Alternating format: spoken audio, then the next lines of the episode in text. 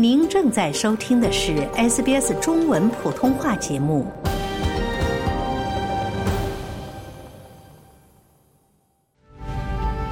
Stop that.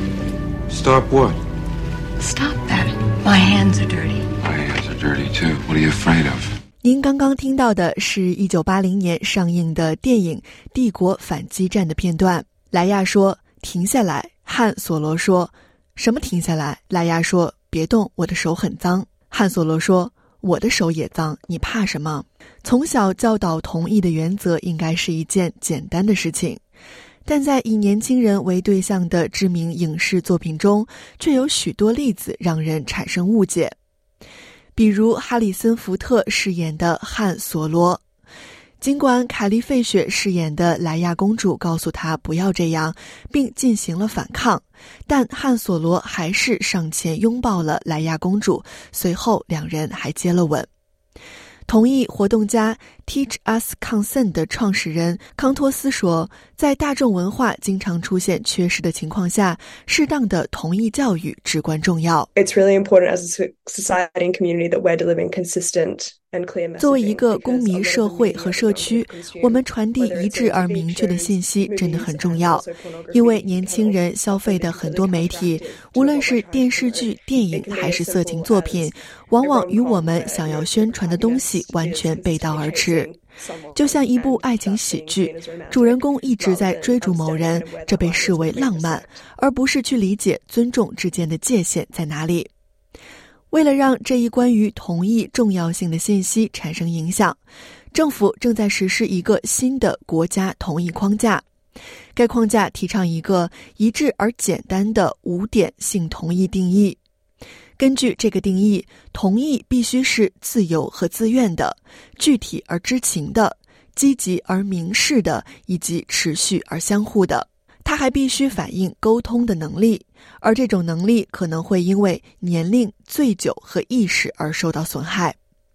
联邦社会服务部长李什沃斯表示，该框架将提供给联邦政府所有专门针对年轻人的政策和项目，同时也将提供给澳大利亚各地的其他组织。The research does show that uh, uh, not having a clear understanding of consent can really. 研究确实表明，对同意缺乏清晰的认识，确实会导致误解，甚至加剧性犯罪。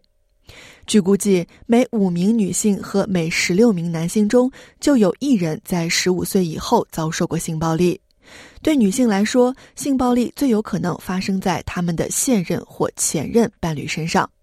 李什沃斯说：“该框架是帮助降低性别暴力发生率的重要工具。如果我们要扭转每五个年轻人中就有一人报告遭受过性暴力的趋势，我们需要做什么？要做到这一点，我们必须从确保年轻人有明确的认识和理解开始。”该框架将打击性暴力的工作视为各组织和工作场所的一个关键文化问题，并警告男性主导的机构可能会支持或纵容暴力侵害女性的态度或行为。该文件是与包括康托斯在内的性暴力问题专家和倡导者协商后起草的，将成为政府未来宣传活动和尊重伴侣计划的支柱。政府希望避免以往的错误做法，比如英联邦在2021年委托制作的臭名昭著的 Milkshake 广告。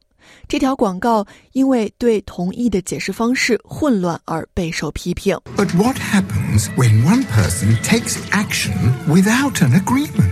You do, huh? Well, drink it. Drink it all. 以上您听到的就是拍摄于2021年的这则奶昔广告。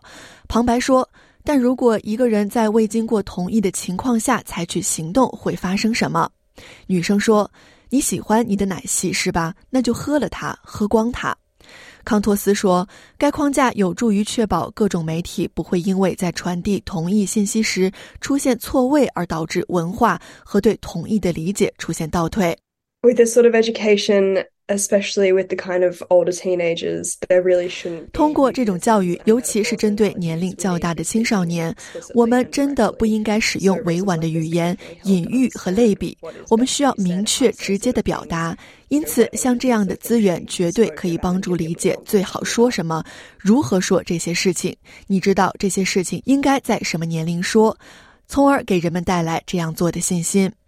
如果您或您认识的人想谈论性侵犯或性骚扰、家庭暴力，请拨打一八零零 RESPECT，电话是一八零零七三七七三二，或访问 www 点一八零零 RESPECT 点 gov 点 au。